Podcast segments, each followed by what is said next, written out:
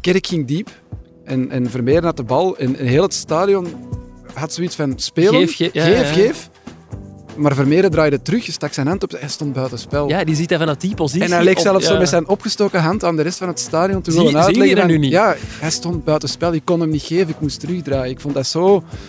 Van zoveel maturiteit en inzicht getuigen van een 18-jarige jongen. Ik ben nieuwsbladjournalist Janko Beekman en vandaag blik ik terug op Antwerp-Barcelona met mijn vaste vriend Koen Frans, CEO Sven Jaak en niemand minder dan Toby Alderweireld, of toch voor even. Welkom bij de voetbalpodcast van het Nieuwsblad. Welkom bij Shotcast Late Night.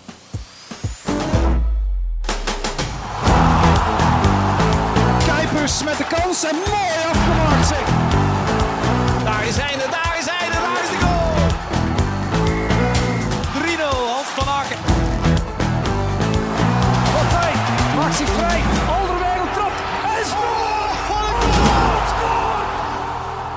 Dag Sven, dag Toby. Goedenavond. Janko. Een eh, last minuut vervanging. Normaal gezien zou Koen Frans hiermee aan tafel zitten, maar hier kwam iemand binnengewandeld en die konden we moeilijk terug buiten sturen. Dus is Toby er ook even komen bijzitten. Mannen, is voetbal de mooiste sport ter wereld?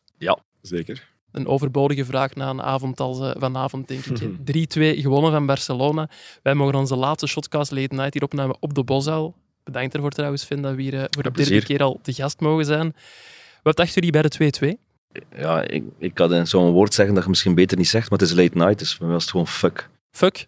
Toby heeft ook ste- stevig staan vloeken, zei ik. Hè? Ja, nee, inderdaad. Het is gewoon de manier waarop natuurlijk. Hè. Eh, Je verdedigt zeker de laatste 20 minuten in zo'n wedstrijd. eh, ja, eh, op karakter. Je probeert alles weg te koppen, alles weg te, te schieten. En dan pak je eigenlijk een, een doelpunt eh, op, een, op een vrije trap. Hè, dat is natuurlijk eh, extra zuur. Zeker wetende dat we in Shakhtar eigenlijk zo ook de, de 1-0 hebben binnengekregen. Dus eh, dan denk je, oh, godverdomme. Hè. Eh, het zat een overwinning in en uiteindelijk eh, het mooie van voetbal. En zeker ook op de Bosuil is alles mogelijk. En Ja. win hem nog. Jij kwam net uit de kleedkamer, Toby. Het feestje daar, was er even wild als na de titel? Of toch iets we meer Dat is ook, helemaal niet om, om, om goed te antwoorden, maar we hebben een hele vrij volwassen groep. Hè. Natuurlijk was er wel plezier en, en, en gelach, maar we weten ook dat zondag er heel snel is. Hè. En dat is eigenlijk uiteindelijk wel nog het belangrijkste. Maar dit, eh, dit is ook wel iets waar eh, iedereen van geniet. Eh, zeker met familie en vrienden nog even en dan, eh, en dan nagenieten, maar de focus naar richting zondag, want dat is, ja, dat is gewoon heel belangrijk. Je moet dat ook wel zeggen, want ja, de grote baas, allee, of toch een van de grote bazen, zit er hier gewoon bij aan tafel. hè. inderdaad. Dat Toby mij niet nodig heeft om, om zijn antwoorden voor te bereiden. Ik vind dat het nog, nog vrij zakelijk en voorzichtig is wat hij zegt. Is gewoon eh, terecht. eh, het is fantastisch voor de club en alle spelers zijn ongelooflijk blij. En, en staf, coaches, bestuur. Eh, maar op zich we zitten met een aantal andere zaken in ons hoofd ook. Zaterdag, zondag Anderlecht die komt. Dus die professionaliteit zit wel in de groep. Bij de coaches ook. En die, die knop wordt snel omgedraaid. Los van het feit dat we heel tevreden zijn dat het inderdaad wat plezier was. Maar Ja. We hadden het hier net over de winning goal van Georges Ilenikena. Ik dacht eigenlijk dat hij de bal slecht raakte, maar Toby, Georges heeft bij u iets anders uitgelegd.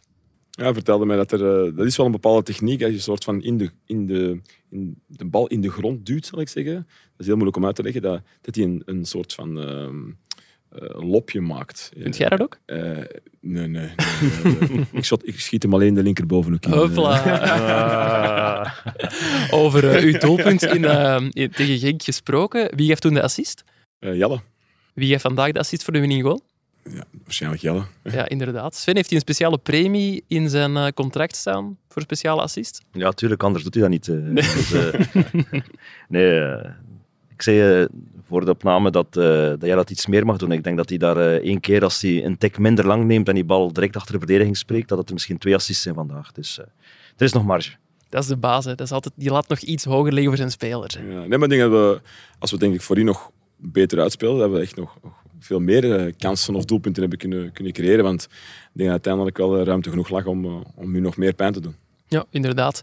En we moeten ook wel zeggen, van, ja, het was ook wel een verdiende zege, hè, want de beste kansen waren ook wel gewoon voor jullie. Was dat ook jullie gevoel?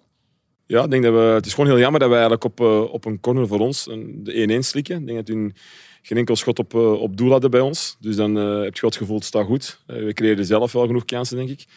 Ehm, maar ja, uiteindelijk, dat is het verschil tussen het begin van die campagne en nu. Dat je, dat je het ook een klein beetje teleurgesteld met die 1-1 de rust in gaat. Eh, langs de andere kant kan je wel die knop omdraaien. Hè, dat hebben we eh, soms wel lastig mee, denk ik, ehm, de eerste wedstrijden. En nu eh, met een klein stukje ervaring denk ik dat we, dat we ook heel goed aan die tweede helft begonnen. En dat is gewoon heel belangrijk.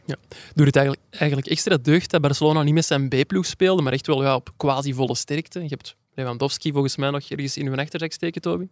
Uh, nee, ja, inderdaad. Denk als, als voetballer zijn wil je altijd tegen, tegen de best mogelijke ploeg spelen. Hè. Uh, een B-ploeg, dat, dat, hoor ik ook niet zo graag. En zeker Barcelona, die nu een keer niet zo groot en hebben zo'n goede spelers.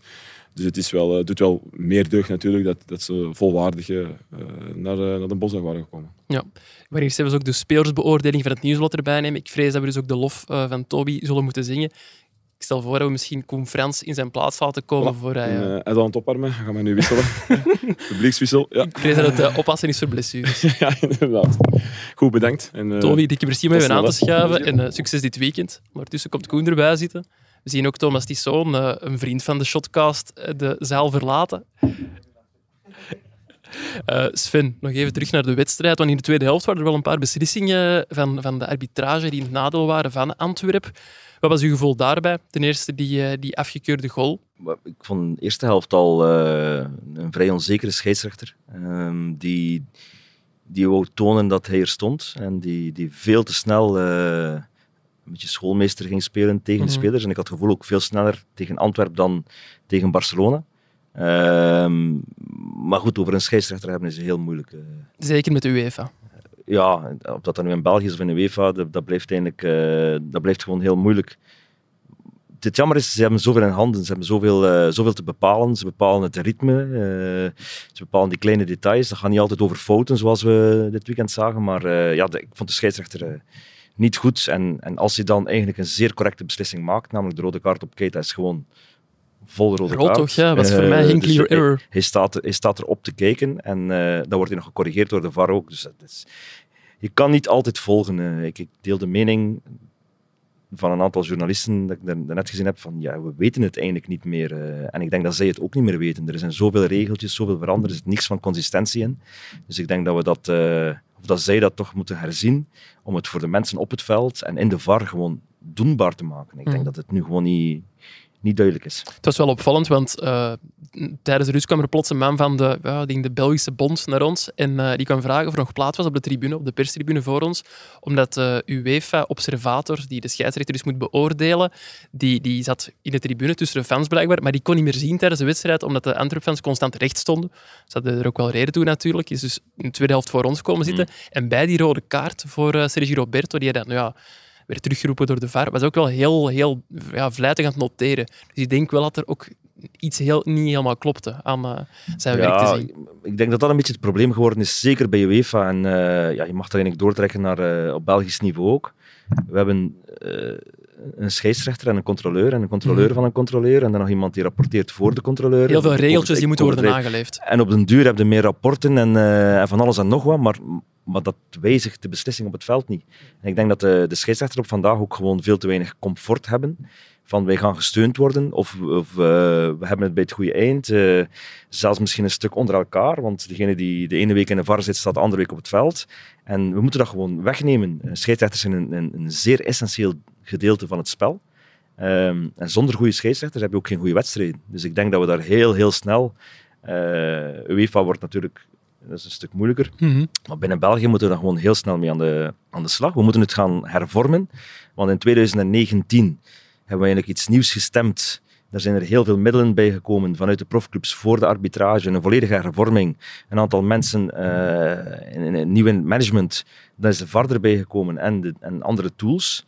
Ik vind dat we in 2023 eigenlijk, als je vier jaar geleden kijkt, niet eh, beter zijn van niveau. We hebben geen stabielere arbitrage. En dan doen we iets verkeerd. En dat gaat niet over de kwaliteit van de scheidsrechters, eh, maar dat gaat over wat de juiste managers doet. De en wat structuur het beleid doet, de structuur. Ja. En die moet gewoon anders. Dat, dat, dat kunnen we nu niet meer ontkennen. Ja, jij zit mee aan de knoppen natuurlijk. Hè. Ja, in, de Pro League is dat misschien nog een stukje gemakkelijker, omdat je daar Mhm. een kleine raad van bestuur hebt en je bent een belangenvereniging, het gaat om clubs. Ehm en de federatie, en dat is net hetzelfde van de UEFA en FIFA, dat is een zeer log eh, orgaan. Eh, en om daar verandering teweeg te brengen, moet je draagvlak creëren, moet je mensen meekrijgen. En dus, eh, dat duurt helaas een, een stukje langer dan, dan zou moeten. Ja. Wel een positief punt aan de arbitrage vanavond was ja, de afgekeurde goal van Jansen en dan vooral hoe snel dat die beslissing er kwam. Bedenk aan die eh, semi-automatische buitenspellijn. Dat is wel iets waar we in België op termijn toch ook naartoe moeten, denk ik dan. Ja, zeker na wat er vorig weekend is gebeurd. Ja, sorry dat ik eindelijk iets zeg, Nee, nee, maar ik was nee, nog in bent shock dat ik, welkom. Na dat, dat, ik minuten... mocht, eh, dat ik mocht invallen voor Toby Alderweireld. Ik zit normaal nooit graag op de bank, maar voor Toby, Toby toch Alderweireld... wel. Eh, wel, ja, nee, nou, wat er vorig weekend is gebeurd met de VAR in, eh, in KV Mechelen, Club Brugge. En als je dan ziet wat er hier gebeurt binnen de, wat was het, 15 seconden, beslissen ze eigenlijk, ja, het, het is buitenspel met die 3D-technologie dat gewoon aangeeft. Mhm. Ja, dan, dan, dan ligt het spel niet stil. En dan klaagt er ook niemand, want iedereen weet, dit klopt 100%. En het duurde echt nog geen 20 seconden Ja, het volgens was mij. echt supersnel. Goh, misschien niet 100%, want het, het blijft natuurlijk ook een, eh, een tool die een lijn trekt. Eh, maar de frustratie is weg. Want je hebt heel snel iets en je weet dat diezelfde fout, of hetzelfde foutmarge voor iedereen geldt. Ja. Dus eh, ja, bij ons als je drie, mens, ja. drie, vier minuten moet wachten en, en alles. En ik, ik, ik wist het niet, maar ik hoor dan ook dat de derde persoon in de VAR niks mag zeggen. Dus ook als je ziet dat ze een fout maken, mag je eigenlijk niet aangeven, je maakt een fout. Ja, dan Is dat een het- operator? Dat is de operator, ja, die-. Die heeft geen scheidsrechtersdiploma of zo. Ja, maar dat zijn vaak eh refs uit de lagere afdelingen die dan ja, meer technisch geschoold zijn ook en dan ja, die apparatuur kunnen Ja, bedienen. ze, ze vergeten een, een, een Ja, natuurlijk, ik ben het er helemaal... En er zit zelfs, ik zal het nog sterker maken, een vierde man, dat is een man die de, de VAR moet eh, evalueren, die zit daar ook en die mag niks zeggen. Dat zijn eigenlijk twee mensen die dat doen. Eén is eh, Freddy Fautrel, dat is de Franse VAR-manager. De andere is Christophe Dirk, ook ja, een VAR-opleider. ik weet niet wat zijn exacte functie is. En blijkbaar eh, grijpt de ene wel in tijdens wedstrijden, wat niet mag volgens het protocol, en doet de andere het niet. Terwijl ik denk, van, als je ziet dat je mensen een fout maken, dan doet je er toch alles aan om die zo snel mogelijk recht te zetten. Maar het gaat niet om regeltjes, het gaat om het belang van het voetbal. Dus Tuurlijk. eh, ik denk dat we daar eh stilletjes aan toch moeten... eh, Maar vanavond hoeft het eigenlijk niet Ah, wel, over de ref te ik gaan. stel het voor dat we het gezellig zo houden. over de ref. Dat we het over, over Antwerp gaan hebben. We nemen er in onze Late Night aflevering altijd de spelersbeoordelingen mee, de punten die wij in de krant geven. Leest je die vaak, Sven? nee.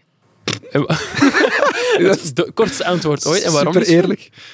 Ik, ik lees eigenlijk heel weinig eh, over Antwerpen. En, ehm, vind het heel moeilijk, omdat eh, jullie, jullie hebben een andere job dan die van mij. Ik, eh, als, we, als we winnen, als het fantastisch goed gaat, dan is het mijn job om niet omhoog te gaan. Mhm. En als we verliezen en het gaat minder, is het mijn job om niet naar beneden te gaan. Don't Ik believe the hype, don't ja, ik moet absoluut die, die constante houden, iedereen op dezelfde lijn houden. Ja. Ehm, dus eh, ik vind het ook heel moeilijk. Het zijn niet altijd dezelfde mensen, denk ik, die, die punten geven. Nee, nee. Dus- en ook niet één mens altijd. Het, Ja, ja, dat is een, dus dat een maakt een.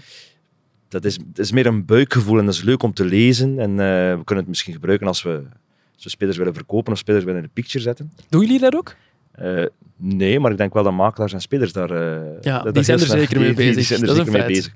Maar ik vind het wel leuk, maar, maar het punt op zich, eh 6,5 of 7,5, eh, eh, dat... eh, dus ik ben wel benieuwd wat, wat de punten van vanavond zijn. Wie zou vandaag de meeste punten hebben gekregen volgens u? Een gokje. Arthur Vermeeren? Dat het is al een juiste. En er heeft er nog eentje evenveel punten Vincent gekregen. Janssen, denk ik. Ja, Nee? dat zijn eh, volgens collega, ik kan misschien de naam er gewoon bijgeven. Collega Hannes van Gaal, de twee uitblinkers bij Antwerpen, Arthur Vermeeren en Vincent Janssen, die hebben allebei een 9 gekregen. Ehm, we waren er juist al even aan het praten voor opname. Over Arthur Vermeeren hebben we het heel vaak, maar Mhm. ja, Vincent Janssen die was ook echt geniaal vandaag. En dat vond jij ook wel eens, Vin? Ja, absoluut. absoluut. Hij speelt een berenmatch, eh, zoals ze bij ons zeggen. Eh, hij was aanspeelbaar. Hij won quasi elk duel. En vanuit het duel hield hij de bal bij en kon hij van kant, eh, kant veranderen. Iets waar hij heel sterk in is. Eh, en als spits hij scoort dan nog eens ook. Ja, Vincent was gewoon vandaag eh, top. Zelfs Xavi op zijn persconferentie daarnet, er werd een vraag gesteld, uiteraard, over Arthur Vermeeren. Mhm. Daar gaan we het zelfs nog wel even over hebben. Maar eh Xavi begon zelf ook over Vincent Janssen. En hij zei hoe sterk dat hij vandaag was en hoe dat hij vanuit zijn speedpositie het spel verdeelde naar de flanken. Dat was eh, Ja, echt zo'n immens. zo'n fysieke spits, ik denk dat ze dat in La Liga niet zo vaak tegenkomen. Het is echt wel een pain in the ass voor die Ja. verdedigers. Wint daar maar eens een duel van. En vaak kan hij ook nog Ook goed slim, kaatsen en goed doorgeven. Ja, het is... Ja. Het heeft even geduurd dit seizoen, mogen we wel zeggen, denk ik, over Jans. Het is een diesel, heeft Van Bommel ook gezegd. Vorig Waarin ook. op toerental is, draait hij wel echt heel En in de slotfase deed hij er nog een tackle als, als, als halve rechtsbak Mhm. eh, op, op Bal- Balde, denk ik. Ja, Hij gaat ook gewoon mee in de loopgraven als het moet. Als je nou een voorsprong moet zijn verdedigen. is fantastisch. Ja. Ik zie hem liever wel niet tackelen. Want, eh, Nee, niet? ja, de dat is- aanvallers zijn niet zo goed kunnen? Of? Eh, wow, dat, is, dat hangt wel wel. is wel hij het maar doet, hij, eh, ja. als hij tackelt, gaat hij echt vol in de tackle. En als je dan ietsje te laat bent, dan, eh, dan zijn dat zware, zware tackles. En, eh, Ja, het is ook wel een heel lijf dat er mee achter zit, ja, is, eh, klopt, klopt. Maar stevige beer. ik hoop dat Vincent eh, ik kies ook een aantal matchen, en zeker de topmatchen waar iets meer zit, dan, dan kan hij zichzelf ongelooflijk opladen. We spelen er nog drie. Ik zou willen dat hij dat, hij dat ook doet nu voor de komende wedstrijden. Ja, is er nog iets over na vanavond? Want ze hebben echt wel heel veel gegeven. Hè? Ja, tuurlijk. Het zijn, het zijn profs. Ze hebben heel veel, uh, heel veel gelopen en heel veel gegeven. Maar ze hebben van woensdag naar, naar zondag, zondagavond dan nog. Dus als ze dat niet kunnen, uh, ik denk dat ze dat zelf ook zo nageven dat dat geen probleem mag zijn. Nee, dat is helemaal waar. Koen, ik voorspelde het al op Twitter uh, ja, dat jij de lof van Arthur Vermeeren zou zingen. Je hebt volgens mij nog geen tweet geplaatst, maar je hebt hier een podcast waar je het gewoon ja, mocht doen. Ja, ik heb dat in het verleden al wel eens gejinxed. Hè, dat hij een fantastische eerste helft speelde in de Champions League. Sven, als je ik, van Porto en Shakhtar niet hebt gewonnen, is dat de schuld van Koen Ik tweet erover en dan, in de tweede helft klopt alles. Dan, uh... ja, doe maar. uh, maar vandaag was, was het geweldig. Hè. De eerste keer aan de aftrap samen met, met Yusuf en, mm -hmm. Keita, door de afwezigheid van Ekkelenkamp. En hij speelde eigenlijk een rijtje hoger als meest aanvallende. En, en ja, ook daar speelt hij gewoon een fantastische match. Hij scoort uiteraard, maar los van dat doelpunt was hij ook gewoon aan de bal, dat rustpunt. Uh, het mooiste moment vond ik misschien ergens in de eerste helft, vijf minuten voor de rust of zo. Kerk ging diep en, en Vermeer had de bal. En, en heel het stadion had zoiets van spelen, geef, ge ja, geef, ja. geef. Maar Vermeer draaide terug, stak zijn hand op, hij stond buiten spel. Ja, die ziet hij vanuit die positie. En hij leek zelfs zo met zijn opgestoken hand aan de rest van het stadion te Zie- willen zie je uitleggen. dat van, nu niet? Ja, hij stond buiten spel, ik kon hem niet geven, ik moest terugdraaien. Ik vond dat zo van zoveel maturiteit en inzicht getuigen van een 18-jarige jongen. Ik, ik, ik, ja, ik ben daar elke keer nog verbaasd over. Hij heeft mindere matchen gespeeld dit seizoen. Echt waar, maar ja, op, op, de, op de grote momenten vind ik dat toch voor een 18-jarige wat dat hier laat zien. Niet normaal, hè? Ik vind dat niet normaal, nee. Verrast dat u nog, Sven? Ja, eigenlijk elke wedstrijd. Ook de, en zeker de mindere wedstrijden gaat hij ook niet door de ondergrens. Dat is waar. Dus nee. ik denk dat hij na, na quasi 50 wedstrijden eigenlijk echt de eerste keer een slechte wedstrijd speelt. En dan nog is het aanvaardbaar wat hij doet. Dus, uh, dus de entourage is goed, uh, de mensen die rond hem zitten zijn goed, maar Arthur zelf is heel stabiel in zijn hoofd, is ongelooflijk matuur. Uh, ja, die, die jongen moet, uh, moet, gewoon voor zich kijken en blijven verder doen. En, en, niet te veel media lezen, want als je dat allemaal leest over jezelf, dan... Ja, ja met al die superlatieven, dat is, ja. dat is moeilijk. Hè? Maar ik hoorde nu net ook, ook Mark van Bobbel nog op de persconferentie zeggen, want de vraag kwam, ja, Arthur Vermeer, hoe lang blijft hij nog?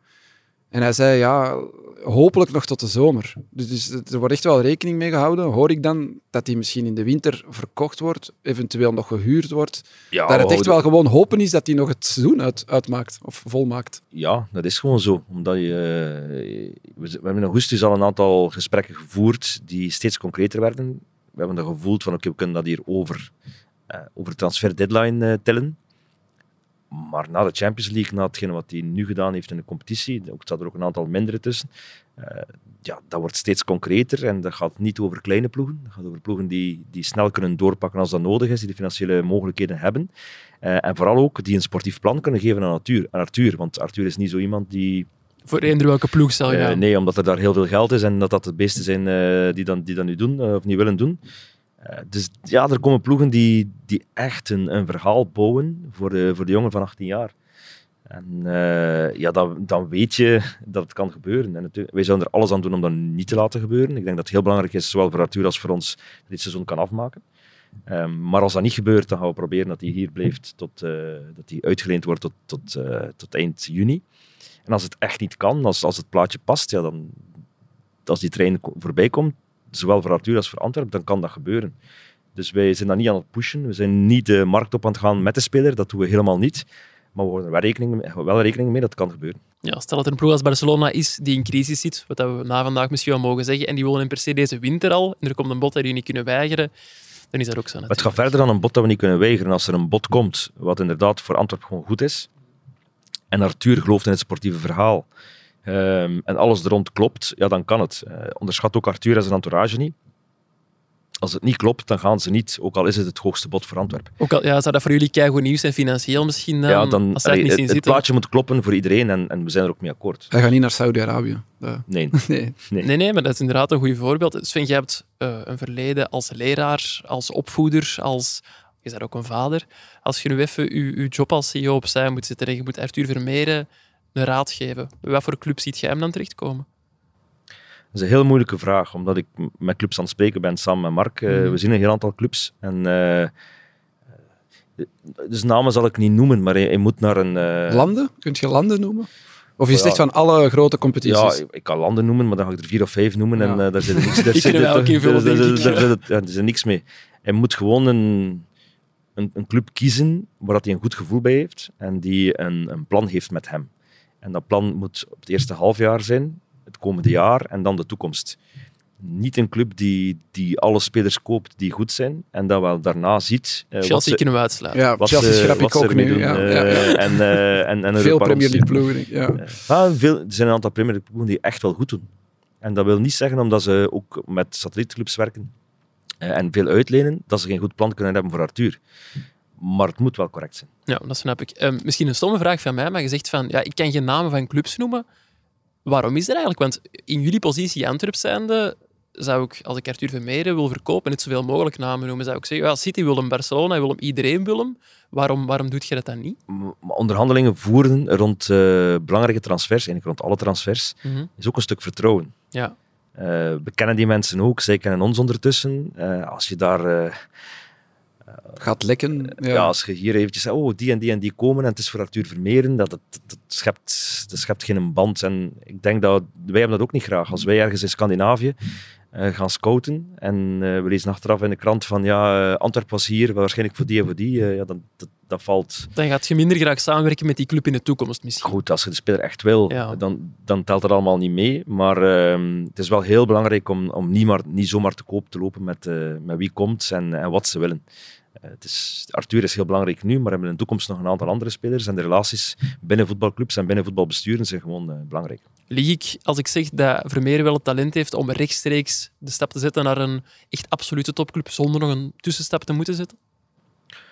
Je, je liegt niet. eh, ik, ik, ik kan alleen niet zeggen dat dat ook waar zal zijn. Dat is, een, eh, Hmm. dat is iets waar wij nu allemaal het gevoel hebben, omdat hij dat enorm gemakkelijk verteerd heeft. Die stap van, eigenlijk van U18, want hij heeft amper met U23 gespeeld, naar, eh, naar eerste, eerste elftal. En onmiddellijk bepalend zijn en onmiddellijk prijzen winnen. Maar dat hangt van de situatie af, van wie, wie op dat middenveld speelt bij die andere ploeg. eh, in welke situatie dat terechtkomt. Is het een ploeg die beneden gaat of een ploeg die aan het stijgen is? Dus Ik zal een voorbeeld geven. Hè. Barcelona is Pedri, die vandaag nog mocht invallen, gaan halen bij Las Palmas. Toen hij in tweede klasse speelde en hij was 17 of 18 toen hij kwam. En hij stond er, hij stond er meteen in. En ik, ik zie eigenlijk Arthur Vermeeren dat ook gewoon doen. Vandaag stond er iemand in op het middenveld bij Barcelona, die zelfs bij Antwerpen voor zijn plaats zou moeten eh, knokken, denk ik. Oriol Romeo, die Ja, de eerste twee ja. doelpunten eigenlijk... Oh, dat was pijnlijk Ja, om te zien. twee keer balverlies van hem en dat is twee keer, twee keer bingo. Dus ja, ik denk wel dat hij de stap naar, naar een absolute topclub zou kunnen maken. Maar als ik het verhaal van Sven hoor, dan denk ik dat hij niks wil overhaasten. Misschien inderdaad eerst nog een half jaar uitgeleend worden om dan pas eh, die stap te zetten. Om ook vooral niet ergens op de bank te belanden. Dat zou zo spijtig zijn, moest Arthur Vermeeren naar een te grote club gaan misschien en dan op de bank zitten. Maar ik denk eigenlijk niet dat dat zou... Ik zie hem bijna overal meedraaien. Ja. Genoeg over Arthur Vermeer wilde ik zeggen, maar ik dacht dat Sven nog iets wilde toevoegen misschien. Nee, dat, dat klopt. Maar los van het talent en de maturiteit zijn ook de, de omstandigheden bepalend. Hoe past hij zich daaraan? Is hij daar graag? Eh, gaat zijn vriendin wel of niet mee? Zijn zijn ouders daar? Die, die komt net van de schoolbanken. Hè. Dus er is veel meer dan alleen maar puur kan hij dat eh, qua talent aan. Want puur qua talent ben ik akkoord. Dan, dan moet hij dat eigenlijk gewoon kunnen doen. Over eh, de rest van het middenveld moeten we het misschien ook wel hebben, want ik vond bijvoorbeeld Mandela Keita ook ontzettend sterk vandaag. Die kreeg in de krant een 7 op 10, dat vind ik persoonlijk wel iets te weinig. Alassane Youssouf die kreeg een 8 op 10. was ook de man die de onderschepping deed bij eh, de tweede goal van Antwerpen, van Vincent Janssen. Ehm, ja, Koen, is dit misschien niet het sterkste middenveld van Antwerpen, zonder Jurgen Ekkelenkamp? Ja, ik, ik weet niet hoe ze binnen de club naar Jurgen Ekkelenkamp kijken, maar wij hebben er toch al regelmatig vraagtekens eh, Het is een luxe probleem, voor alle duidelijkheid. Want het is ook... Ekkelenkamp is geen slechte voetballer, dat gaan we ook niet zeggen. Nee, en Ekkelenkamp staat er eigenlijk bijna altijd in. Eh, het is nu omdat hij geschorst was, dat, dat er moest gezocht worden naar een nieuwe combinatie op het middenveld en, en dat dan voor de eerste keer ooit Yusuf Keita en, en Vermeeren samen aan de aftrap verschenen. Maar ik, vind dat, ik vond dat wel geslaagd. Ik, vond dat, ik vind dat wel ja, mogelijk het beste trio. Vind ik Ekkelenkamp daar, daarom eh, te min of, of niet goed genoeg? Nee. Maar soms moet je gewoon harde keuzes maken. Dus ik vraag me af, als ze er straks allemaal zijn, wat gaat Mark van Bommel doen in de belangrijke matchen? Gaat hij voor dit middenveld kiezen? Of gaat hij toch terug Ekkelenkamp op die 10 zetten, Vermeeren achteruit trekken en dan een van de twee anderen, ik vermoed aan Yusuf, eh, eruit halen? Ja. Het is een luxe probleem, effectief. Wat gaat de Mark van Bommel doen, Sven? Hij gaat de keuze maken. Dat vraagt mij wel af, hoe, va- hoe vaak hebben jullie eigenlijk nog sportieve discussies? Want ik weet, ik- ik was vroeger Antwerpatcher in de periode onder Brian Priske. En ik weet dat jullie toen heel veel gesprekken hadden. Maar, eh, Mark Overmars was er toen ook nog niet. Mm. Hoe vaak zit jij daar nu nog in betrokken? ja, nog, ja, nog altijd af en toe, maar minder dan vroeger. Eh, er is natuurlijk de figuur van Mark Overmars, die, Mm. Die net daarvoor gehaald is. En hoe graag dat ik dat ook doe. En er zijn maar 24 uur in een dag, dus je moet een klein beetje kiezen, kiezen wat je doet. Maar die discussies zijn er wel. En ja, zelfs niet in eerste instantie met Mark Overmars, maar we hebben een zeer goede staf, een uitgebalanceerde staf, met, eh, met drie goede assistenten. eh, onze Ook analisten. hoofdcoaches bijna allemaal. Ja, allee, twee van de drie zijn ex-hoofdcoaches. Die, daar kun je wel een discussie mee voeren. En dan ook nog Nederlander. Dus qua directheid eh, kan, het, kan het wel tellen in de kleedkamer. Wat, wat, ook, wat ook moet. En ik denk gewoon. Gelukkig hebben we niet drie middenvelders en die drie moeten we altijd zetten. Gelukkig hebben we, hebben we er vier, maar misschien ook vijf als Balikwisha meetelt om op tien te spelen. Die, eh, die kunnen afwisselen. En ja, oké, Keita is geblesseerd geweest. eh, Jurgen is nu geschorst, eh, dus alles valt oké. Yusuf was niet klaar misschien in het begin na de blessure om alles op te nemen. Maar wat ze vandaag laten zien, en het hoeft inderdaad niet altijd over Vermeeren te gaan, maar Yusuf, Yusuf en Mandela, wat, wat, ja, dat, is een, dat is een brok graniet eh, met voetbalinzicht en eh, eh, Mandela. En dan Yusuf is een loopwonder, die zit overal tussen, die blijft Niet gaan, normaal. zowel defensief als offensief. Ja, aan de bal is het soms wat moeilijker, maar toch wat, is ongelooflijk belangrijk voor, eh, voor dit Antwerpen. Het mooiste aan Keita vind ik hoe dat hij kan, kan wegdraaien. Hoe dat hij ingespeeld wordt en dan meteen vooruit kijkt. En echt ja, het spel super vaak versnelt daardoor. Er zijn echt weinig spelers in België die dat zo kunnen. Vind ik echt eh, prachtig om te zien. De man die hier daarnet zat, op de stoel van eh, Koen, Toby Alderweireld. Hoe belangrijk is die eigenlijk voor jullie? Want we hebben het over Vincent Janssen, maar achteraan was Alderweireld misschien minstens even belangrijk. Hoeveel had hij op 10? eens Toch ook minstens een 8.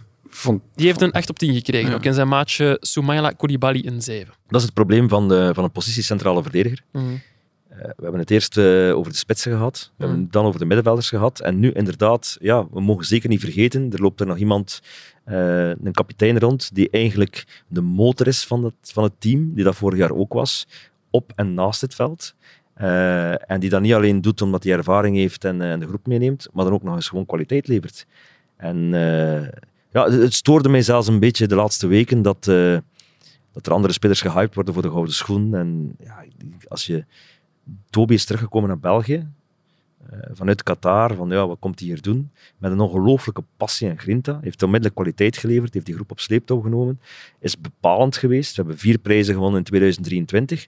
En speelt nu gewoon ook eh, met de Supercup te winnen dit seizoen en kwalificatie Champions League gewoon een fantastisch goed seizoen. Hij staat er, hij is goed aan de bal, is goed verdedigend. Hij leidt opnieuw een, eh, een jonge medegenoot op. Eerst Pacho en nu met Koulibaly. Eh, het is gewoon een, eh een voetbalicoon in België met ongelooflijk veel plezier dat hij bij ons zit, bij, bij Antwerpen.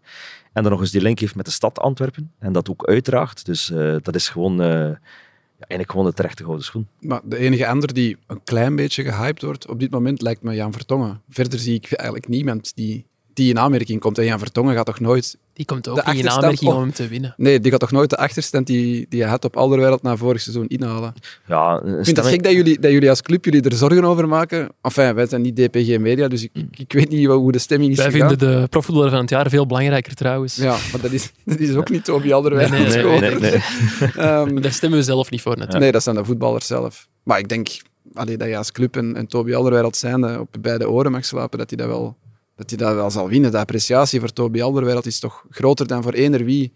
Zelfs Ja, voor Jan Vertongen op dit gaat- moment. Ja, maar ik denk dat, dat Jan Vertongen gewoon... eh, de carrière van Jan Vertongen is, is, is top. En wat hij nu doet in Anderlecht is, is ook super. En eh, chapeau daarvoor. Alleen als je de beste voetballer kiest van 2023, dan Ja. denk ik dat dat gewoon Toby moet zijn, dat dat de logica zelf is. Jan Vertongen heeft toch niet de dubbel gewonnen, geen Champions League gespeeld. Nee, dus, klopt. Dus ja, lijkt me inderdaad ook logisch. Nee, maar we- we vergeten hem misschien te vaak, omdat het een evidentie is. Mhm. Eh, ja, het is, het, het is Toby. En eh, hij levert altijd een eh, goede prestatie af. Maakt zelden fouten. Hè, want, ja, kloppen. Tribune 2. Sepiet Houd komt dus- vast, Voilà. houden. Ja. Eh, De dus, tafel is gemaakt uit tribune 2. Ik moet dat even uitleggen, want we zijn niet in beeld. Nee, en het is een, uh, fantastisch goede gast die, uh, die misschien soms zelfs te veel op zijn, hooi op zijn vork neemt en te veel verantwoordelijkheid, want ik, ik kan ook niet alles oplossen natuurlijk. Nee.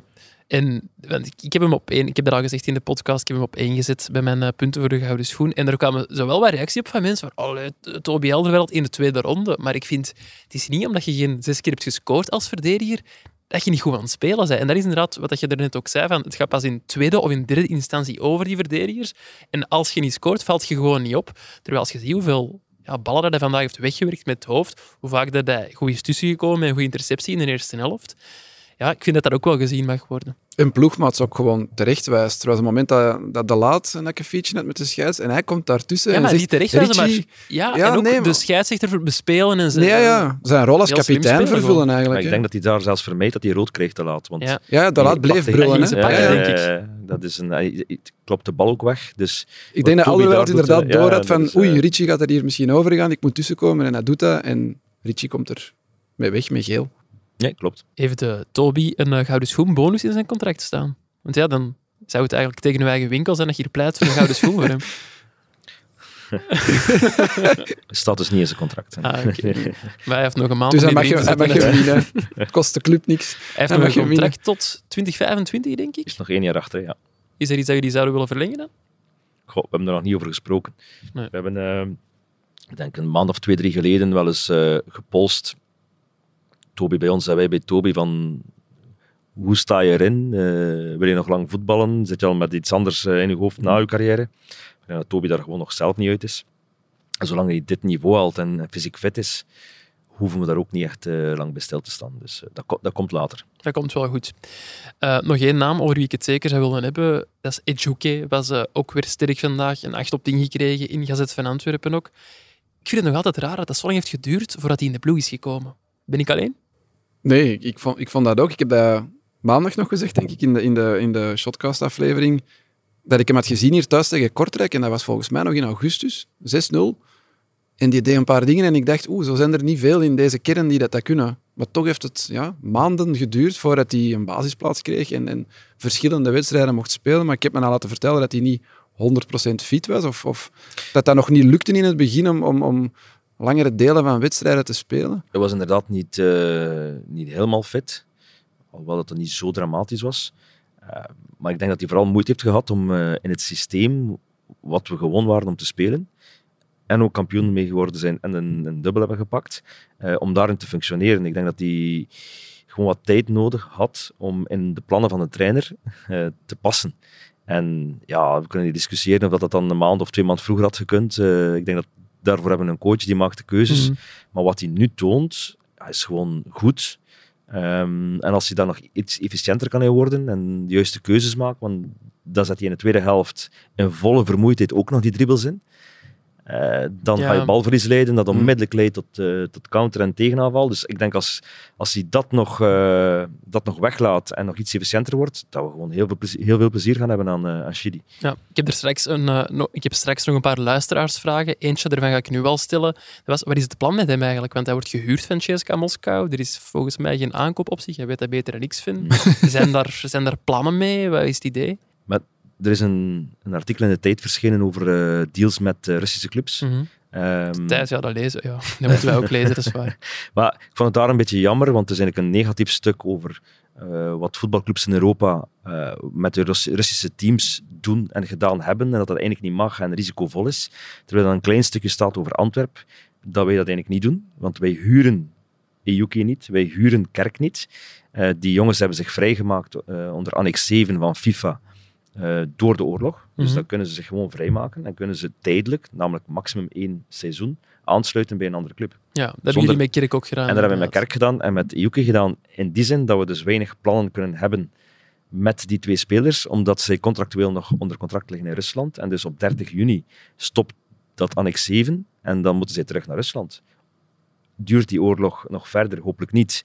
Dan wordt dat misschien verlengd en dan kunnen we spreken, maar op vandaag kunnen we heel weinig plannen maken met hen. Ja, nee, nee, dat snap ik. Het is inderdaad moeilijk om nu al te gaan onderhandelen over een transferbedrag of zo. Ja, ook Dat mag ook niet. Hè. Ah, dat is ook we kunnen geen transacties doen met Russische clubs. Nee. Dus we zijn... Uh, we kunnen daar gewoon niks doen. En zij is dan ook met de rug tegen de muur. Dus zij moeten ook gewoon dit seizoen uitdoen en dan straks zien wat er kan of niet kan. En die spelers zijn vrij machteloos in die... Enfin, ze kunnen hun contract wel... Ja, ze zijn machteloos Elders- en niet. Ik denk dat dat FIFA wel goed gedaan heeft met het feit dat ze zich kunnen vrijmaken. Ja, dat is al iets. Eh, en dus eh, één, ze kunnen voetballen en worden betaald. Twee, de zekerheid van hun contract blijft ook nog. Dus als die oorlog opgelost is en ze kunnen terug in Rusland spelen, ja, dan, dan bestaat dat contract nog altijd.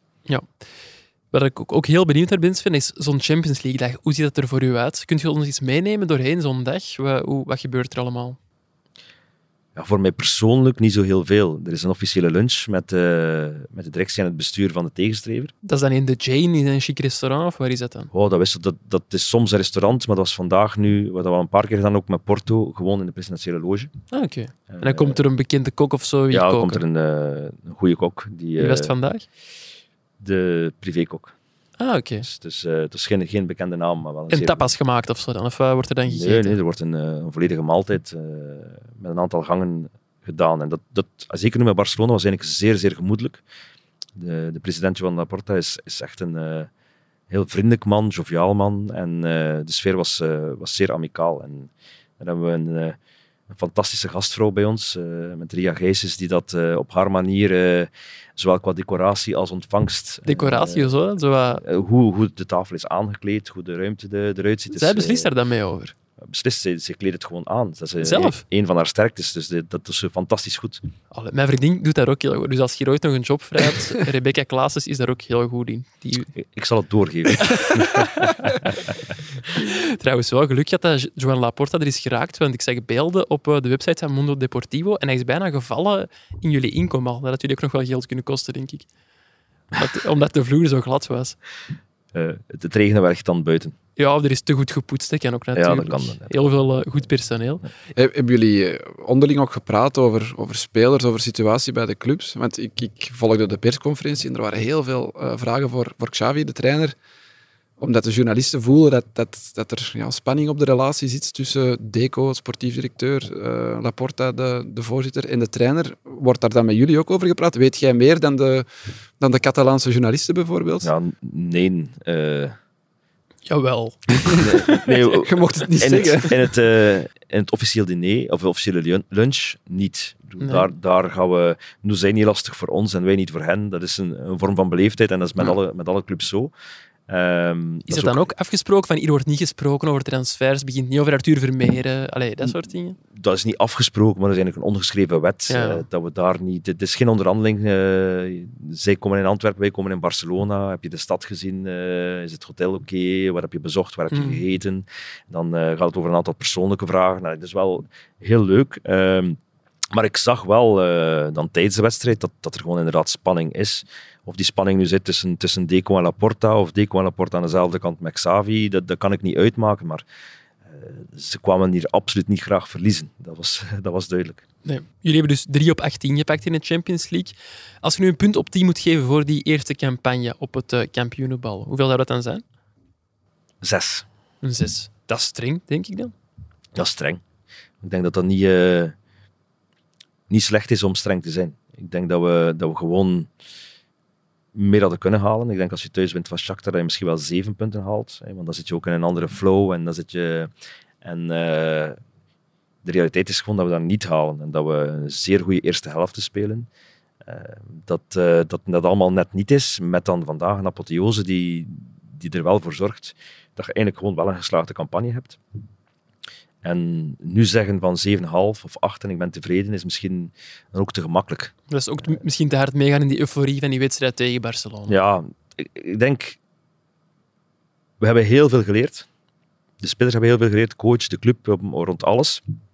Maar er had gewoon meer in gezeten. Ik denk dat we ons getoond hebben op, op voetbalvlak, aan Europa, op een goede manier. Een aantal individuele prestaties waren, eh, waren zelfs top. Eh, maar de realiteit is dat je maar drie punten hebt. Dus eh, als je dat alles indachtig neemt en er rationeel over nadenkt, denk ik dat er 6, 6,5 misschien wel een correcte score is. Ik denk wel, stel dat je bijvoorbeeld 4 op 6 pakt tegen Shakhtar, maar je wint die laatste match niet van Barcelona, maar je wordt wel derde en je gaat nog naar de Europa League. Deze campagne zal toch langer herinnerd worden dan dat dat het geval zou geweest zijn. Dat je vier, omdat je wint van Barcelona, en dat dat zo lang geleden is, hè, sinds 1989, Mhm. dat een Belgische club nog eens won. Dus die overwinning tegen Barcelona, maakt dat dan die 0 op 6 tegen Shakhtar toch niet... Ja, Of is dat niet, niet belangrijker dan punten pakken tegen Shakhtar? Ik weet het niet goed. Ik vind het een moeilijke afweging. Het is heel mooi en heel romantisch om Ja. te zeggen van oké, Bar- winnen van, van Barcelona thuis geeft nog een beetje meer eh cachet aan, aan alles. Maar als je kan overwinteren in Europa door de onderlinge confrontaties van Mhm. Shakhtar te winnen, ja, dan dat, daarvoor doe je het uiteindelijk. Hè. Eh, misschien speel je de volgende ronde Real Madrid of, of ik weet het niet, eh, of een ander groot team. eh, dus, dus, eh, In de Europa League zullen die niet zitten. Hè? Als je over, Nee, nee, eh, nee, overwintert, bedoel, als je ja. overwintert, Maar er eh, zitten ja, mooie ploegen in de Europa eh, League. Stel dat je eh, derde had geworden, dan had je tegen... Wie zit, Liverpool zit in de Europa League, dus dat had nee, je kunt. dat, ja. eh, dat kunt. Dus ik, ik ga nog altijd het liefst voor sportief succes. En eh, als dat sportief succes ook romantisch kan zijn, zoals we de, de dubbel hebben gewonnen, eh, graag. Eh, maar eh, als het moet, dan liever sportief succes dan de pure romantiek. Je kunt wel straffen hoe nuchter jij kunt zijn twee uur na zo'n stunt. Ja. Nee, en dan bedoel ik figuurlijk. eh, allee, en letterlijk trouwens ook nuchter. Ja, Je had hem tipsy, je had hem tipsy verwacht. Ja, euforisch er inderdaad, maar toch heel nuchter op dit moment. Ik vind dat wel straf. Ja, de eerste twee wedstrijden was ik al, al goed zat, maar ik dacht, eh, nu met shotcast moet ik een klein beetje oppassen. Dus, eh, nee, maar Bij de rust al misschien. eh, je zit al 15 jaar in voetbal en je speelt nu drie wedstrijden per week. Mhm. Je leert ook wel gewoon de volgende dag te kunnen Het is opstaan. wel op tegen een- Barcelona. Hè. Ja, maar nee, pas op. We zijn, de blijdschap is enorm. Hè. Ja, ja. Eh, Maar je moet wel... De knop omdraaien. Je kunt niet anders. We spelen, we spelen zondag tegen Anderlecht. We hebben wat punten goed te maken. We zijn niet super gestart. Ik vind dat we nu veel stabieler zijn in, in hoe we spelen. De coach geeft ook aan van... Ja, er- ik voel dat er, dat er meer duidelijkheid is. Ehm, Dat is vorig jaar ook rond de winterstop, toch? Hè? Dat die duidelijkheid er meer is gekomen. Ja, maar we hebben wel een moeilijke... Ja, dat, nee, dat klopt. Dat klopt Ja, dan dat heb je een eh, periode ja, gehad na ja, die ja, ja, ja. superstart. En dan rond de winterstop toch ook terug beginnen beteren. Ja. Ook Mark van Bommel is een diesel. We gaan dat, eh, we gaan dat doorgeven. Eh, Het shotcast zegt dat Mark van Bommel het stukje oktober, november moet eh, beter eh, inkaderen. Neem dat maar mee op zijn eh, evaluatie, inderdaad. Eh, over eh, ja, die, die vergelijking Europa en Champions League, dat brengt mij eigenlijk bij mijn eerste luisteraarsvraag van eh, ene Björn Oris, een ex-ploegmaat van mij bij het grote aan Melzelen. Als je weet wat je vandaag weet, zou je dan op dit moment volgend seizoen opnieuw voor de Champions League kiezen of toch liever Europa League? Ik kies niet voor de Champions League. Ook, ook, Nee, nee, maar je Europa mag League. vandaag tekenen. Altijd Champions League. Omdat je gewoon altijd het hoogste moet ambiëren. Ah, dit is het hoogst mogelijke in het voetbal. En eh, oké, ik denk eh 3, 3, 18, 3 op 18 is, eh, is niet wauw. Maar we hebben ons wel getoond. En het gaat hem niet alleen om de punten. Ik denk dat we als club en als spelers en als coaches gigantisch veel voorsprong halen uit die Champions League campagne. Dus als ik kan tekenen voor volgend jaar, ik weet niet of je daar kan in slagen, maar dan wil ik dat nu direct doen. Ja, waarom zou er niet iemand over voor. Europa League kiezen? Ja, omdat je weet dat de kans toch groter is in de Europa League dat je daar gaat overwinteren dan in de Champions League. Als je Ja. daar een percentage op moet plakken, zal in de Europa League een pak hoger liggen dan in de Champions League. Ja, maar puur financieel en sportief is dat veel minder. Mhm. En er draaien ploegen mee in de groepsfase aan de Europa League die dat je volgend jaar al vergeten bent. En als je Champions League speelt, iedereen, iedereen weet dat. Ja. De ploegen die, ook al is het maar één keer of twee keer in hun geschiedenis Champions League hebben gespeeld, die staan voor eeuwig in die, in die geschiedenis van, van de Champions League gegrift. En ja, het ideale scenario lijkt mij voor een club als Antwerpen, voor een Belgische club, De Conference League winnen. nee, Champions League, derde plaats en dan Europa League. Ja. Dat, dat lijkt mij, want na de winter in de Champions League, allee, achtste finale kan je misschien nog met, Hmm. met veel geluk doorkomen, maar vanaf de kwartfinale komt er zo'n ploegen tegen dat je weet, ja, ik ben uitgeschakeld, maar in de Europa League kan het nog wel tot in een verder stadium. Ajax heeft nog eens een finale Mhm. gehaald. Eh, er zijn nog wel kleinere ploegen die tot halve finale, kleinere ploegen. Niet van de grote landen, wou ik Mhm. zeggen, die, die ver geraken in Europa. Maar in de Champions League is het, is het zo extreem moeilijk dat, dat vorig jaar die, die overwintering van Club Brugge al als een, als een gigantisch succes werd gezien, om er dan uit te gaan. Dus ja, ideaal scenario denk ik de miljoenen en het prestige van de Champions League en dan afzakken naar de Europa League en zo ver mogelijk proberen graag. Er wordt dus straks een contract van gemaakt. En, eh, Je mocht tekenen. Mijn tweede vraag gaat ook over het eh, financiële. Want zo'n zegen in de Champions League eh, die brengt iets meer dan 2,5 miljoen euro op. Het ja, is een klopt. 600.000 euro per... Nee, Nee, iets meer. 960.000 euro per punt. 900, ik ken ze Ja, heel goed, de die goal van, van George, dat is, dat is anderhalf miljoen euro of zo. Hè? Die winning goal, een punt of drie, of drie Ja, punten, kleine, kleine 2 miljoen. kleine 2 miljoen. Hè? Met één goal niet slecht, hè? Nee, dat is inderdaad niet slecht. Hij heeft zelf ook wel een paar miljoenen gekost, natuurlijk. Ehm, de vraag is... Uh, uw aanpak uh, ben goed. Uh... Hij heeft al een deel van zijn transfer uh, terug, terugverdiend. Zo. Maar hoe belangrijk is het nu financieel voor Antwerpen? Want er, er, gaan veel verhalen eronder. Hè. Jullie gaan niet op stage deze winter, er wordt dan gezegd dat is door het financiële. Er is een kapitaalsverhoging die, die tijdelijk is uitgesteld. Is dit broodnodig, zo'n overwinning in de Champions League? Niet broodnodig, maar wel zeer welkom. En wij hebben, uh, we hebben cash altijd moeilijk in deze periode. En hoe komt dat? Is daar een verklaring voor? Uh, wij niet alleen. Ah, iedereen. Ja, ik ook. Ik is... denk qua, quasi, quasi alle clubs in België op een, op een aantal na, die, mm. die effectief uh, een cash staan hebben. Dus er is um, in voetbal geen geld over. Er gaat veel geld om, maar er is er geen over. Plus, er is een enorme administratieve molen ja, de financial fair play kent iedereen, maar je hebt dan ook eh, de anti-witwaswetgeving die we nu sinds twee jaar moeten doen om gelden in de club te krijgen, om zaken op te lossen. Ja, dan, wat vroeger in een maand gedaan was, ga je nu drie tot vier tot vijf maanden nodig hebben om dat te, eh, te kunnen rondkrijgen. Dus qua, qua bepaalde timings van betalingen, mm. die vallen niet samen op, op het moment dat wij de fondsen krijgen.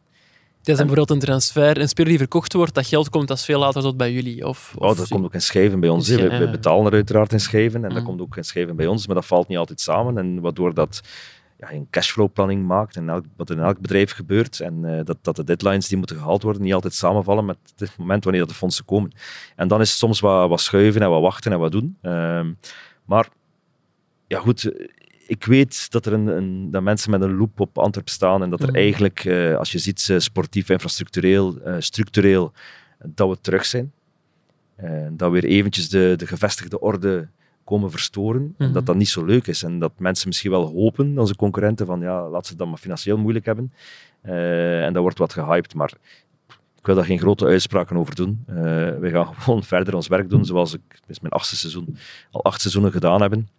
En dat waait dan wel weer over, hoop ik, als wij onze job doen en, en de oplossingen vinden voor alles wat we moeten vinden. Wordt daar dan met, Barcelona over gesproken? Want als er nu één club in Europa de voorbije jaren boekhoudkundige trucs heeft bovengehaald om, om ja, uh, het hoofd boven water te houden, dan is het wel, wel Barcelona. Als je dan spreekt over schijven, die hebben ja, transfers en contracten allemaal over jaren gespreid om, om het maar te kunnen, te kunnen bolwerken.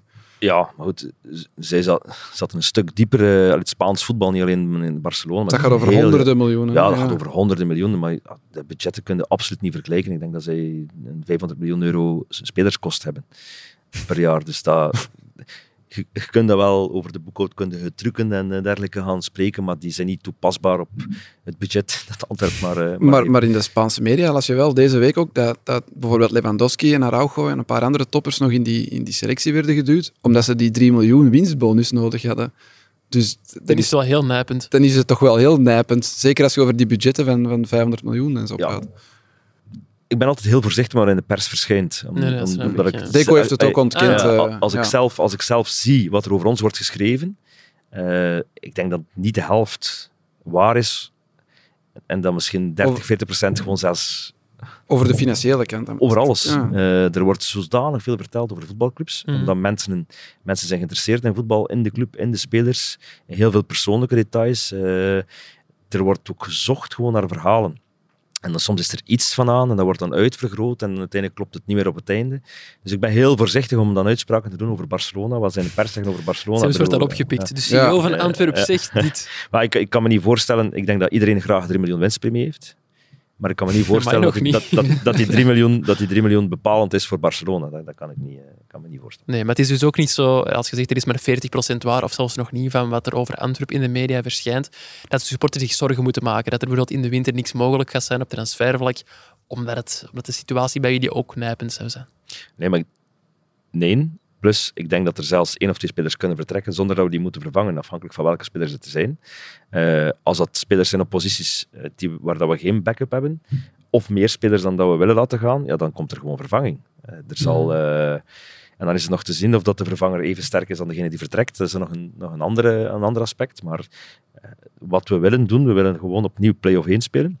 Dat is één, en dat is in België het belangrijkste. En als je in die play-off 1 zit, dan kan je meedoen tot het einde. En dat is onze doelstelling. En de beker eigenlijk hetzelfde. Want daar, daar kan je niet te ver vooruit plannen. Het is gewoon de eerste volgende wedstrijd dat je moet over de streep trekken. Ja, en dan om heel technisch te worden, dat was ook een vraag die gesteld werd, die kapitaalsverhoging die toen is uitgesteld. Want ik vind dat moeilijk om erover te praten, omdat ik niet de, de correcte benaming Hmm. ervoor ken. Er werd toen ook bijgezegd van ja, dat zou gecompenseerd kunnen worden door de, de verdiensten in Europa. Die zijn misschien lager uitgevallen dan jullie hadden gehoopt. Wil dat dan zeggen dat die verhoging er wel nog komt? Of wordt er nog niet over Ja, nagedacht? jawel, in principe komt dat er ook. Het is inderdaad vrij technisch om te gaan Mhm. uitleggen waarom dat moet en voor welke datum dat moet. Eh, Ja. je kan zelfs meer dan voldoende cash hebben en toch moeten een kapitaalsverhoging doen, omdat dat boekhoudkundig is en niet puur voor de cash op vandaag. Eh, dat het te ver- meer te maken heeft met het verlies van vorig jaar dat je moet wegwerken en niet met de Mhm. situatie van dit jaar. Dus het is een zeer technisch iets om, eh, om te zeggen we gaan dit of dat doen. Maar uiteraard, dus de sportieve successen en eh, de financiële mogelijkheden die daardoor komen, de verkoop van Avila, eh, het behalen van de Champions League, zorgt ervoor dat de kapitaalsverhoging minder groot moet zijn dan dat ze is- initieel gedacht was. Ja, je moet die zo groot mogelijk begroten, maar het kan dat ze dan uiteindelijk lager uitvalt omdat er minder nodig is gewoon. Vat ik dat Ja. goed samen? Dat is goed samen. Dat is, ja, Simpel samen. Ja, Ja, ja. Ik zou een goede boekhouder zijn. Ik snap Eh, het. Hopelijk Paul Gijsens ook. En eh, ja, iets moeilijkere vraag. En, en ja, misschien ook lastig voor u, maar Dieter van Mosselvelde wil weten, zou u een overstap naar Club Brugge overwegen? Kwam ook plots in de media de voorbije weken. Jij hebt dat gelanceerd. Nee, dat is niet waar. Nee, nee, ik kan ook zeggen waarom dat ik die... We hebben Ja. het in Shotcast over gehad, ik weet niet of dat Sven dat gehoord heeft, maar het stond in de, in de standaard, stond er plots dat de, de naam van Sven Jaak ook circuleerde bij Club Brugge om eh, Vincent Manhart op te volgen. Ja, ik heb daar heel wat telefoontjes over gehad al sinds. eh, Maar niet van Club eh, maar dus, dat is gewoon niet aan de orde. Ik heb in, in juni voor drie jaar bijgetekend op Antwerpen. Ja, je ziet er hier gelukkig uit ook trouwens. Ja. Je, je tekent niet, allee, ik toch niet, ik weet niet, misschien aan andere mensen wel, maar ik, ik teken niet voor drie jaar bij. eh, om dan na, eh, na drie maanden of na vier maanden, omdat er een icoon in het Belgisch voetbal, Vincent Manhart, zegt ik stop, eh, dan eventjes te gaan zeggen, ik, wil daar naartoe. Dat, dat, dat, los, los van dan Brugge en, of Gent of Genk of Standaard, maakt allemaal niet uit. Ik heb getekend voor Antwerpen, het is mijn achtste seizoen. Voor drie jaar bijgetekend. We zijn nu bijna zes maanden ver in dat nieuwe contract. Eh, dat is mijn enigste focus. En net een appartement gekocht in Antwerpen. Ik heb trouwens vernomen dat mijn vrouw en mijn kinderen eh, mee verhuizen. Die, die verschoten daar zelf wel erg van. Eh, Wie zei dat? was, niet, was niet jij iets, hè? Een- Heb je dat gezegd? Ja, dat ik denk wel Ik, denk het wel ik kreeg berichten dat Janko Beekman gezegd had dat mijn vrouw en mijn kinderen mee gingen verhuizen. Ja, Dus dat weet ik niet. ik voelde me nu eigenlijk vrij in Antwerpen, drie, vier dagen per week op mijn gemak. En, eh, Nu komt die vrouw hier ook wonen. mijn vrouw hier ook wonen. Dat is dus eh, niet waar. Nee, nee, nee. nee, nee. Ah, ja. Mijn, vrouw, mijn, mijn vrouw werkt in Brugge, mijn kinderen gaan naar school in Brugge, dus eh, dat, dat, kan ik, dat kan ik niet maken om hen weg te nemen. weg te Dat was dus fake news, Janko. Weer al. Ja. Hopelijk Ja. luistert Ludo niet mee. De meest gestelde vraag in, eh, in, in mijn inbox over Antwerpen, en dat is de laatste lastige vraag die ik stel. Hoe zit het met tribune 2? We zitten hier aan de, de voormalige tribune 2. Ze staat er nog altijd. Wat gaat ermee gebeuren in de toekomst? Denk dat dat een fantastische podcast zou worden als ik hier nu eh, zou kunnen onthullen wat daarmee gebeurt en wanneer. Maar je weet het dus al. Nee, nee, ik, ik denk dat eh, het enige verstandige nu om te doen, is daar in de media niet te veel over zeggen. Ik denk dat we dat wel gedaan hebben, wij en de andere partij. We hebben ook gezien dat dat dan niet vooruit gaat. Dat was niet de juiste tactiek. Dat, eh, dat, dat, dat dat ook niet lukt. En eh, ik denk dat het nu geen slechte strategie is om daar gewoon over te zwijgen en achter de schermen te zien wat we kunnen doen, zonder daar grote beloftes eh, aan vast te hangen Mhm. of, of heel pessimistisch te zijn. Laat, ons, laat ons maar doen. We, we en, en, en zeker onze voorzitter en de familie Geeses, die hebben al meerdere mirakels verricht. Maar het is dus niet, omdat er niet meer over wordt gesproken in de media, buiten in deze podcast dan, dat er niet aan wordt gewerkt. Er wordt altijd aan alles gewerkt. We laten niks liggen. Oké, klinkt eh, veelbelovend. Dan nog, nog de laatste vraag, misschien een iets fijnere, van eh ene Hans Bressink, vriend van de show. Wanneer gaan we eens een pintje pakken? Eh, is hij vanavond? Doet hij iets vanavond? Of? Ja, deze podcast komt pas van achter. Ik hoop dat Hans tegen dat dit online komt al in zijn bed ligt, maar met Hans weet je natuurlijk nooit. Wauw, we sturen elkaar een paar keer, misschien moeten we elkaar meer sturen. Eh, dus eh, er zijn wel een, pla- een aantal plaatjes waar hij vaak komt en wij ook af en toe. Eh, Zijnde? Ik denk aan de Cabron dat hij wel... eh, Kom jij daar ook vaak? Ja, maar blijkbaar nooit als Hans er is. Ik stuur hem wel, maar, Maar, goed, maar goed dat uw vrouw niet in, Brugge- in, in Antwerpen komt wonen. Sven. Trouwens, moet er ook bedanken, want je hebt hier ook een paar eh, pintjes voor ons laten aandrukken. Waarvoor dank. En nogmaals dank dat we hier eh, drie keer hebben mogen opnemen. Wie weet zijn we hier eh, volgend seizoen wel terug. Mijn klassieke vraag op het einde van de aflevering. Wat staat er voor jullie, voor jullie nog op de planning deze week? Sven? Een wedstrijd tegen Anderlecht, denk ik? Ja, maar goed, morgen is donderdag, dus er is nog wel wat werk Ja, voor. wat, gebe- wat, wat gebeurt er dan zo op een donderdag in het kantoor van Sven Jaak? Dat, dat wisselt enorm, maar ik denk dat er morgen eh, eh, is er een conference call om 9 uur al. Eh, dan, Nieuwe speler of, of over wat gaat dat dan? ja, ik zal straks, straks de naam zeggen of, of record. Dat er eindelijk eens een ja. waarheid in de krant ja, ja. staat. En dan, ik denk bij de collega's van ATV, wat ik nog moet bevestigen, maar met Erwin afgestemd dat ik dat wel ga doen. Die weten dat bij deze ook. zo. Die weten dat bij deze ook. En eh, in de namiddag hebben we nog een afspraak met eh, een aantal makelaars over De een aantal, nee, over een aantal spelers hier eh, Ah, die bij ons zijn. En dan zal ik even naar huis gaan. En dan hebben we vrijdag ja, nog een aantal tamelijk belangrijke meetings staan. Dan probeer ik zaterdag een beetje te genieten van de zone en de hockey. En dan in zondag een leuke wedstrijd tegen Anderlecht. De hockey, daar moet jij toch blij mee zijn? Stel dat het weer voetbal was. Ja, in, in het begin eigenlijk niet, omdat ik dacht van... hey, kom, mijn zoon voetbalt niet. En, Ja. Maar achteraf gezien is dat inderdaad wel een, zegen. En de, de vragen over de voetbal en de hockey zijn al meer dan voldoende. Dus. Ja, je zegt belangrijke meetings. Ja, dan moet ik als journalist wel vragen over. Je, interne, vrijdag zijn Ah, intern. interne meetings. Ah, oké. Nee, nee, nee. Een aantal financiële, een aantal juridische. En dan, dus, eh, ik denk, voor jullie moest je ze meevolgen, vrij saai. Eh, niet, niet alles in mijn job is... is eh. Ik, ik heb hier als Antwerpatcher op de parking gestaan soms. Staan, je hebt hier uitzicht op je bureau van op de Mhm. parking, dat klopt. Hè? Ja. Eh, en dan echt gedacht van, gaat het mij eens niet naar boven vragen of zo, om eens even te komen meelopen, maar dat is er nooit van gekomen. Dus als Nee? je nu een... Nee, Peter, Goris, ooit... Peter Goris heeft vaak bij ons gezeten, na de, maar dan was hij al weg waarschijnlijk. Nee, ik denk dat, dat Peter toen al weg was, toen ik Antwerpatcher Ja, was. oké. Ik heb wel gehoord dat je ooit eh, pizzas hebt laten aanrukken voor eh, collega's die op de parking stonden te wachten. Dat klopt, dat klopt. Ik vond het heel zielig, omdat iedereen stond daar te wachten en wij lieten de spelers langs de andere ingang binnenkomen. en dat eh, heel zielig, dan hebben we pizza's, pizza's besteld. Voor, Dat is wel mooi. Ik ga hier deze winter ook nog eens komen staan, denk ik.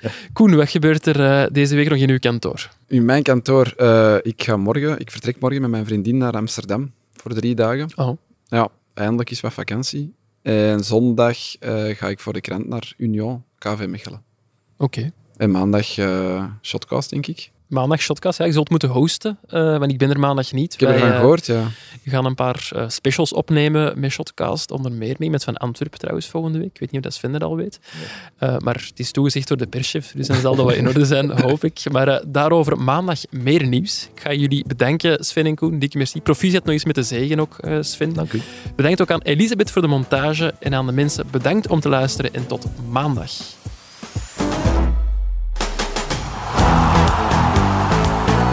Kuipers met de